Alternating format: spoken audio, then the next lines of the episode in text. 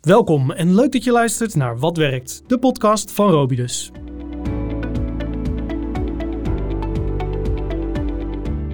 Vandaag praat ik met arbeidsdeskundige Marjolein Lam van Robidus. Ze helpt medewerkers bij het ontdekken welke taken passen bij hun mogelijkheden en beperkingen tijdens of na langdurige ziekte.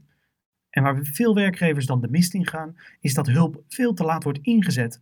Dus als een medewerker al lang uit de roulatie is. Hoe dat beter kan en welke tips zij heeft voor werkgevers en werknemers, bespreek ik met Marjolein. Van harte welkom in uh, nou, onze digitale studio, Marjolein. Leuk dat je er bent. Dankjewel. Ik vind het ook heel leuk om hier te zijn. Het onderwerp voor de podcast vandaag is de vraag: hoe kun je als arbeidsdeskundige het verschil maken, zowel voor de werkgever als voor de werknemer? Marjolein. Ja, en dat moet ik dan gaan zeggen. Ja, hoe doe jij dat? hoe doe ik dat? Nou, door vooral echt het gesprek aan te gaan met de, met de werknemer. Um, kijken naar wat, wat doe je nu van werk en waar word je blij van? Welke werkzaamheden vind je echt heel leuk en waar krijg je energie van? En welke werkzaamheden uh, vreten energie en um, ja, putten je uit eigenlijk?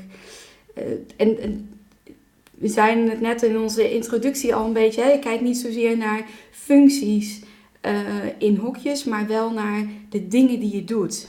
Mhm. En waar je, waar je energie van krijgt. Ik denk dat dat het allerbelangrijkste is. Uh. Hey, als we hem even terugpakken, hoe, um, hoe komt een werkgever of een medewerker met jou in contact en, en hoe gaat zo'n proces uh, in zijn werk? Nou, meestal kom ik met de werknemer en werkgever in contact als de werknemer al een tijdje ziek is. En met een tijdje bedoel ik um, richting een jaar. Dan mhm. wordt meestal een arbeidsdeskundige ingeschakeld. Um, dus dat betekent dat uh, de werknemer en de werkgever al een hele tijd samen aan het proberen zijn om terug te keren in het werk. Um, en dat is nog altijd niet gelukt na zoveel tijd. En dan wordt vaak een arbeidsdeskundige ingeschakeld om te kijken van hoe kan dat dan? Dat iemand nog steeds niet helemaal werkt. Waar zitten dan die knelpunten? En kunnen die knelpunten worden opgelost bij de werkgever, bijvoorbeeld met andere taken? Uh, of gewoon een hele andere functie, dus e-, echt helemaal verschillende taken. Um, of is die werkgever niet meer de juiste omgeving voor de werknemer en is het juist beter om een andere werkgever te zoeken met andere taken en andere omgevingen en andere collega's? Zijn dat, zijn dat ook de, de twee smaken die je het meeste ziet? Uh, of we gaan de omgeving uh, aanpassen of de, de functie en de taken waar een medewerker in actief is. Uh, of, of we kijken buiten de deur of zijn er nog andere opties? Nee, dit zijn wel de twee meest voorkomende opties eigenlijk, die, die ik zelf tegenkom en die ik ook het meest toepas. Um, wat mijn eerste uitgangspunt altijd is, is om samen met de werknemer en de werkgever te kijken hoe kunnen we nou net jouw taken zo veranderen dat je niet helemaal iets anders hoeft te gaan doen en gewoon kan blijven bij je werkgever in een vaak vertrouwde omgeving, wat mensen mhm. heel erg prettig vinden. Um, maar toch ervoor zorgen dat die taken dan bij jou passen en dat je uh, daar niet meer op leeg loopt, of dat je daar niet meer op uitvalt, in ieder geval. Ik moet eerlijk zeggen dat dat eerste wel heel moeilijk is. Waarom? um, dat heeft verschillende oorzaken. Mm Het meeste wat ik tegenkom is dat werkgevers vaak niet de functie willen veranderen. Ja. Omdat ze zeggen, ik heb meerdere mensen die deze functie uitvoeren. En als ik het voor de een iets ga aanpassen, moet ik dat voor een ander ook doen. En dat is vaak in een uh, economisch organisator, uh, organisatorisch proces uh, lastig om ja. die uitzonderingen te maken. Um, dus daar loop ik heel vaak tegenaan. En als dat al niet kan, um, dan moet ik automatisch als arbeidsdeskundige kijken, goh, wat heb je dan nog meer werkgever in de aanbieding? Hè? Welke functies of welke taken uh, kun je nog meer bieden aan deze werknemer? En als dat echt niet lukt, dan hebben we de uiterste stap om te kijken naar buiten de organisatie. Echt ander werk, andere omgeving. Begeleid jij daar dan ook in als arbeidsdeskundige? Of um, um, verwijs je dan door? Eh, persoonlijk verwijs ik door. Um, het kan een rol zijn van een arbeidsdeskundige om mm -hmm. ook mensen verder in de reïntegratie uh, te begeleiden. Uh, persoonlijk doe ik dat niet. Uh, ik verwijs dan door naar een reïntegratiebureau, uh, tweede spoor noemen we dat. Die zoeken echt met mensen naar ander werk bij een andere werkgever. Ja, we, we, we behandelen eigenlijk net twee mogelijkheden waarin een werkgever zegt, um, of de, eigenlijk twee lastige items voor een werkgever. Ik heb eigenlijk binnen de huidige context geen ander werk voor je. Uh, of -hmm. ik wil het werk liever niet aanpassen. Ik kan me ook voorstellen dat er op de, op, voor, de, voor de medewerker best wel wat uitdagingen zijn. Als het gaat ja. om het accepteren dat hij of zij de, de huidige taken niet kan uitvoeren. Hoe, ja, wat, wat zie jij daar voor struikelblokken? ik zie daar heel veel struikelblokken. Um, we zeggen wel eens werk is topsport, maar ziek zijn is in Nederland ook wel topsport, uh, mm -hmm. zo ik het wel noemen. De werknemer moet heel erg veel, daar wordt veel verwacht. Uh, zoals bijvoorbeeld dus kijken naar ander werk. En stel, um, ik praat met een, een, bouwvakker die op zijn vijftiende is begonnen op de bouw. Um, en inmiddels daar uh, zo'n 30, 40 jaar werkt. Die persoon die weet niet beter dan dat dat zijn identiteit is. Ik ben bouwvakker, timmerman, metselaar, noem het maar op.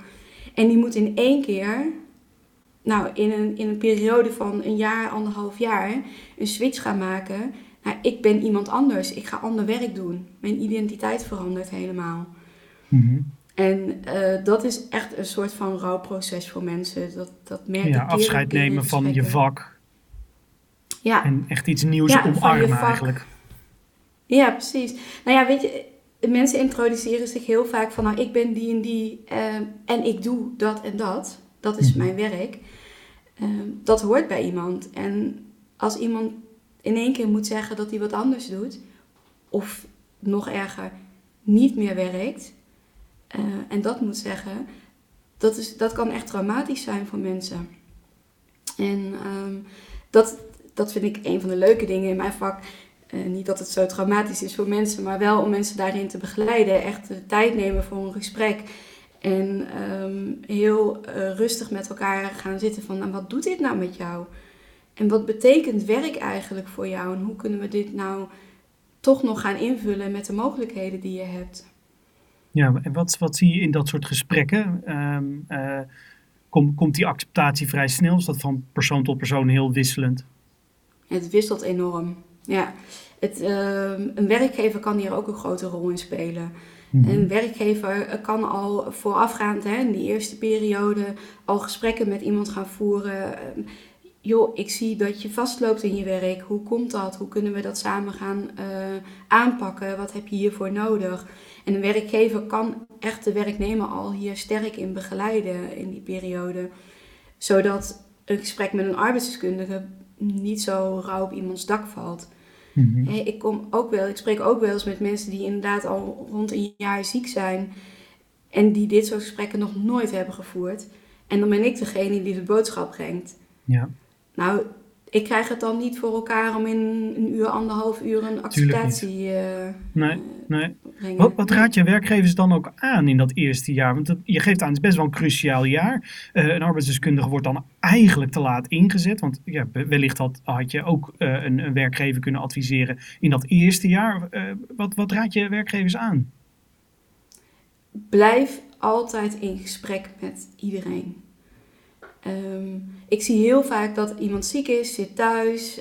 Um, het contact in de eerste paar weken, misschien de eerste drie maanden, uh, is intensief. En dan iedereen gaat door met zijn eigen leven. Hè? Ook je collega's uh, gaan lekker door in hun werk. En, en, ja. uh, en, en degene die ziek thuis zit, gaat naar de achtergrond.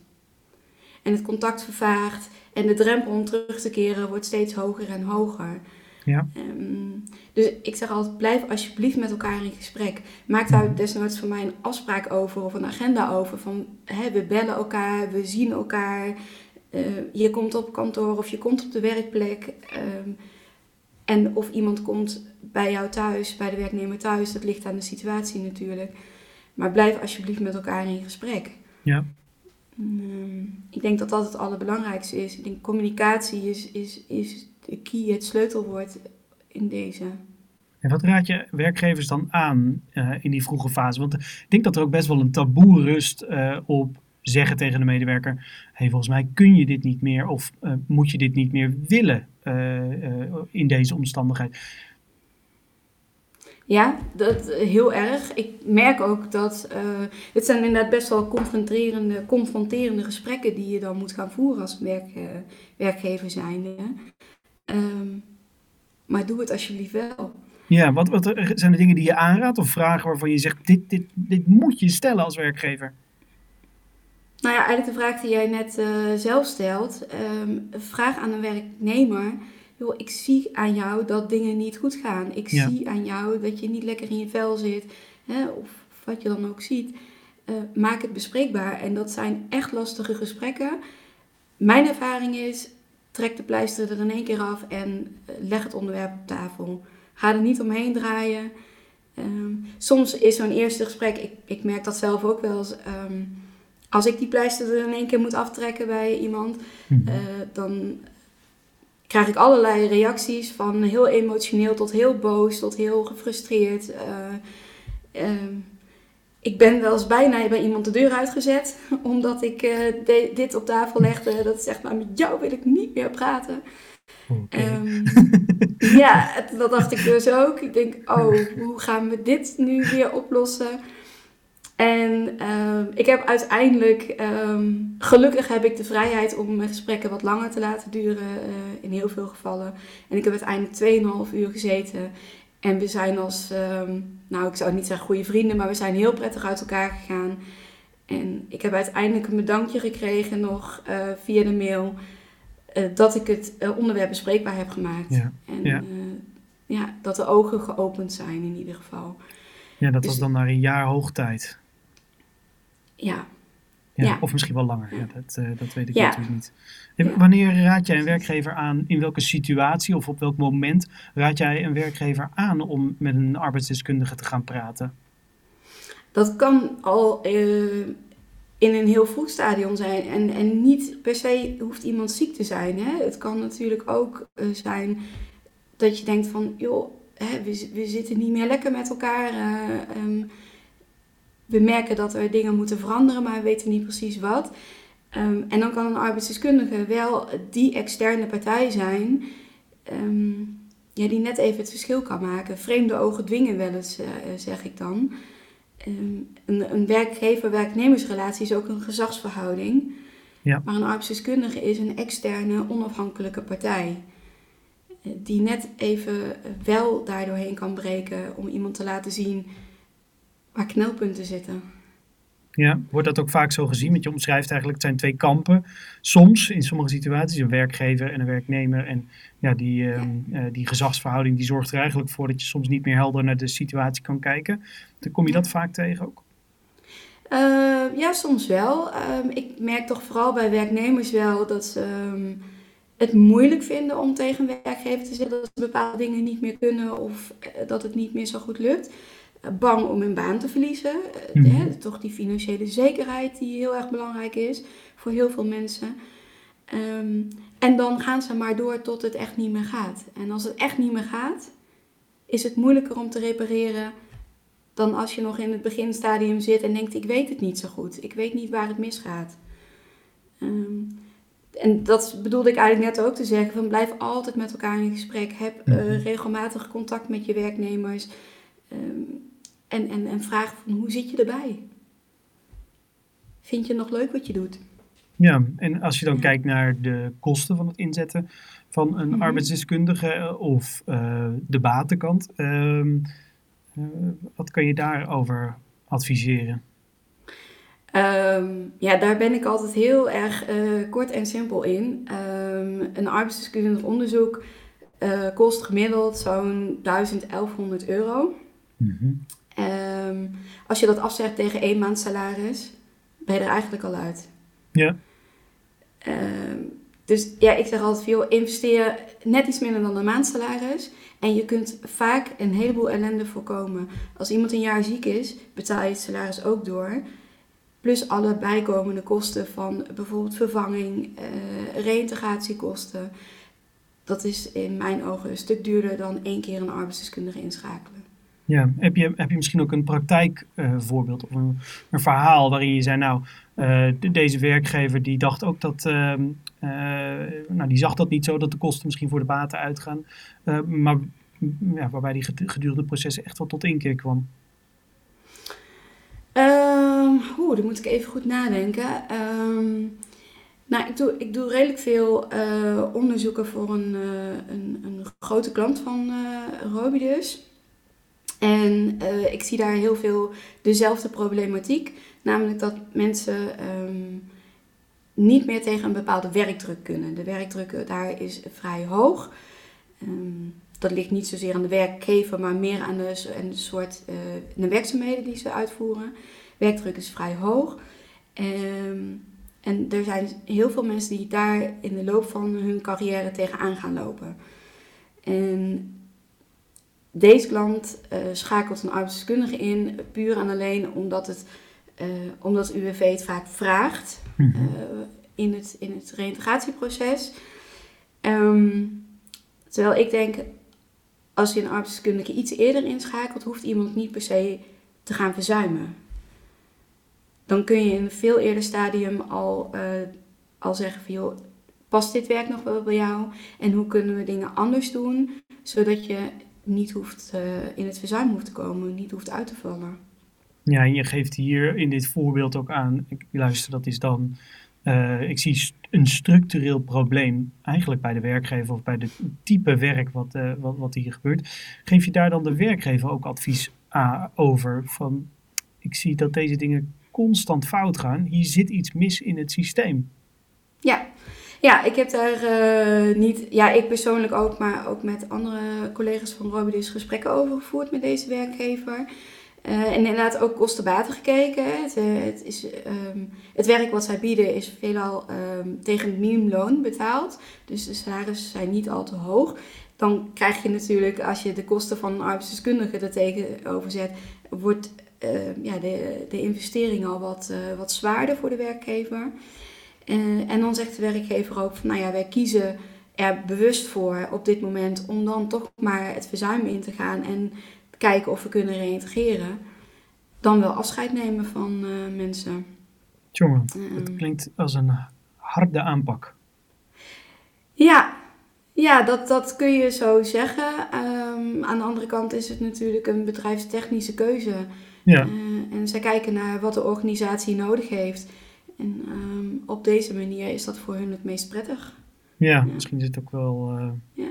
Ik moet er ook bij als, zeggen, als je zo doet ja, ik moet er wel bij zeggen, het, het werk wat zij bieden is ook heel erg um, omlijnd, vast omlijnd, omkaderd. Er zijn vaste taken, um, daar kunnen ze eigenlijk niet van afwijken. Dus aanpassen is voor hun nou, praktisch niet mogelijk. Um, echt in de details gaat het dan. Dus als iemand echt één bepaalde taak niet meer kan uitvoeren, kunnen ze eigenlijk de hele functie niet meer uitvoeren. Dus de werkgever is ook wel heel erg beperkt in, in de mogelijkheden die ze kunnen bieden. Ja, ja helder. Ja. Uh, wat vind je het leukste uh, onderdeel van je werk? Um, wat ik het allerleukste vind uh, aan mijn werk is het gesprek voeren met de werknemer en ook de werkgever natuurlijk. Um, ik spreek vaak met mensen die ziek zijn die in een bepaald proces zitten en vooral denken in de, in de stramien, ik kan dit niet meer. Mm -hmm. En wat ik het dan het allerleukste vind, is mensen laten inzien wat ze nog wel kunnen. Waar nog wel hun mogelijkheden liggen. En dat vind ik aan de werkgeverskant ook het allerleukste om, uh, om het gesprek te voeren. Werkgevers te laten inzien dat er eigenlijk best nog wel mogelijkheden zijn binnen het bedrijf. En dat er best wel kleine dingetjes veranderd kunnen worden zonder dat meteen het hele proces op zijn kop hoeft. Uh, werkgevers zijn ook af en toe best wel star, kan ik zeggen. En zeggen van nee, zo moet het en, zo, en daar moet het in passen. Ja. En dan net proberen het verschil te maken in mijn gesprek en dat mensen zeggen Oh ja, zo had ik er nog nooit tegen aangekeken. Ja, dan heb ik een goede dag. Ja, ik kan me voorstellen. En dat is eigenlijk het eindresultaat van je werk. Um, of uiteindelijk dat iemand uh, andere taken krijgt. Of dat iemand toch besluit om um, weg te gaan bij een werkgever waarbij de fit gewoon niet goed is. Dat is dan het, ja. dat is dan het eindresultaat. Um, in, in, dat proces zijn er momenten waarop je Ehm, ook ook dat, dat momentje van vieren wat jij hebt, eh, dat je dat met die werkgever of die medewerker doet? Uh, nee, ik vier het meestal in mijn eentje, moet ik zeggen. ja, ja. Nee, het, het, het, geeft mij namelijk gewoon heel veel energie, eh, gewoon mij als persoon, als ik dat soort dingen kan bereiken. Dus net even iemand het inzicht geven of um, ja, weer nieuwe energie geven om de toekomst tegemoet te treden. Dat geeft mij persoonlijk veel energie. En um, ik wens werknemer en werkgever altijd heel veel succes en heel veel sterkte in de toekomst. En ik hoop dat ze eruit komen. Ja, dat is misschien wel een nadeel aan het vak van arbeidsdeskundige. Je bent maar heel even een onderdeel van het hele proces. Uh, je voert een gesprek, je stelt een advies op, je geeft uh, hè, nog wat aanvullende adviezen misschien uh, daarna. Maar daarna ben je weer uit beeld en zullen werknemer en werkgever toch weer samen verder moeten. Ja, ja. ja. Um, nou, corona hebben we op dit moment allemaal eh, mee te maken. Ehm, ehm, welk, welk, effect heeft dat voor jou nu? Uh, de, de lange termijn gevolgen worden steeds zichtbaarder. Uh, ja, hoe raakt dat jouw werk? Uh, het raakt mijn werk, uh, als ik kijk naar mijn persoon, ik moet nu alles via videocalls doen. In plaats van mhm. dat ik uh, of bij mensen thuis of op een werkomgeving ben en gewoon face-to-face de gesprekken voer. Dus ik doe nu alles via videobellen. Um, in het begin dacht ik, oh, dit is fantastisch en dit werkt helemaal prima. En naarmate de tijd vordert en het langer duurt, uh, begin ik toch echt de nadelen te zien. Uh, je ziet gewoon minder um, uh, de lichaamstaal van iemand, mhm. hoe iemand erbij zit, hoe zijn omgeving is. daar kun je vaak ook heel veel aan, aan afzien. Ik kom ook echt wel bij mensen thuis en dan zie je ook gewoon hoe een huis eruit ziet. En, ja. Um, ja, en dat begin ik zelf al heel erg te missen, die, die extra informatie, maar ook gewoon het persoonlijk contact. ook met werkgevers. Ik dan kom ik gewoon op, de werklocatie en dan kan ik ook zien hoe een proces in elkaar zit. Um, en dat is nu veel lastiger. Ik moet nu heel veel vragen stellen um, over een onderwerp wat iemand vanzelfsprekend vindt. Dus als ik vraag van hoe doe je je werk dan? Ja, gewoon zo. ja. En dan denk ik, ja. ja, maar ik heb geen beeld. Help moet het zien. Ja. ja. En voor, uh, voor, voor werkgevers, merk je daar nu ook al effecten waarvan je zegt, ja, daar kunnen werkgevers misschien op voorsorteren? Of medewerkers misschien op voorsorteren? Nou, we zien uh, over het algemeen toch echt wel de psychische effecten uh, van het thuiswerken. Um, voor sommige mensen is het fantastisch. Uh, ik moet eerlijk zeggen, ik gedij heel prima bij thuiswerken. Mhm. Eh, maar ik zie ook heel veel, ook van mijn collega's persoonlijk, uh, die toch echt de sociale contacten missen op kantoor en de andere omgeving. Dus, en dat wordt steeds moeilijker. En zeker nu ook de scholen weer gesloten zijn. Um, ja, als, als je kinderen thuis hebt, is het echt wel een uitdaging. Om je aandacht te verdelen tussen je, je werknemer zijn en, en je ouder zijn. En hoe kunnen werkgevers daar nou op voorsorteren? Dat vroeg je ook.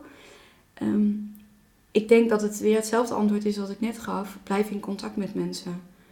Vraag constant hoe zit je erbij? Hoe gaat het thuis? Um, uh, moeten we je werkzaamheden aanpassen? Uh, hè, omdat je het anders niet georganiseerd krijgt. Mm -hmm. Praat daarover gewoon.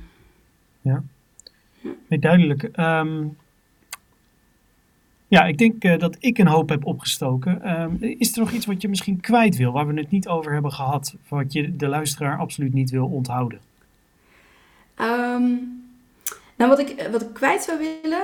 Um, ik, ik heb het al gezegd, ik word vaak ingeschakeld op het moment dat uh, het, een ziekteverzuim of een reïntegratietraject al een geruime tijd loopt. En dat betekent voor mijn vak dat ik heel weinig tijd heb om dingen om te gooien. Uh, dat is voor mij persoonlijk niet zo erg, want ik hoef het niet te doen. Ik hoef het alleen maar te adviseren. Het is wel voor de werknemer vaak heel frustrerend. Op het moment dat iemand al een jaar ziek is um, en er is al van alles geprobeerd, heeft iemand eigenlijk nog maar een maand of acht de tijd, als je kijkt naar de tijdlijn in de wetverbetering Poortwachter, mm -hmm. om zijn hele leven om te gooien. om ander werk te zoeken, om een opleiding te gaan volgen, om de mindset zo te krijgen dat de acceptatie er komt. Hè? Ik ga iets anders doen.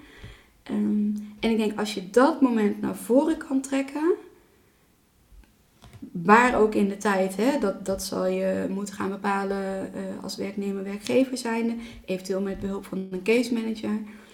En als je dat moment al naar voren kan krijgen, geef je vooral de werknemer extra ruimte voor dat stukje rouw en voor het omgooien van zijn mindset. Dus dat zou ik eigenlijk alle werkgevers, maar ook werknemers en case managers uh, willen adviseren van praat daarover en kijk of, dat een, of een arbeidsdeskundige inderdaad de juiste optie is. Ja, schuw de lastige onderwerpen niet, uh, gooi het op tafel en, uh, en, en blijf in gesprek. Fijn, ja. dankjewel voor, voor je tijd, voor dit gesprek. Um, Bedankt voor het luisteren ook. Wij, uh, we blijven mooie podcasts maken over onderwerpen waar je als werkgever, maar ook als werknemer mee te maken krijgt. Voor uh, eh, HR-professionals en voor uh, ondernemers die met dit soort topics worstelen. Nogmaals, ontzettend bedankt voor het luisteren en graag tot een volgende podcast. Abonneer je op de podcast Wat Werkt en blijf op de hoogte van alle ontwikkelingen en actualiteiten rondom sociale zekerheid. Denk aan verzuim, arbeidsongeschiktheid, inzetbaarheid, wet en regelgeving en natuurlijk veel meer. Wil je meer weten? Kijk op robidus.nl.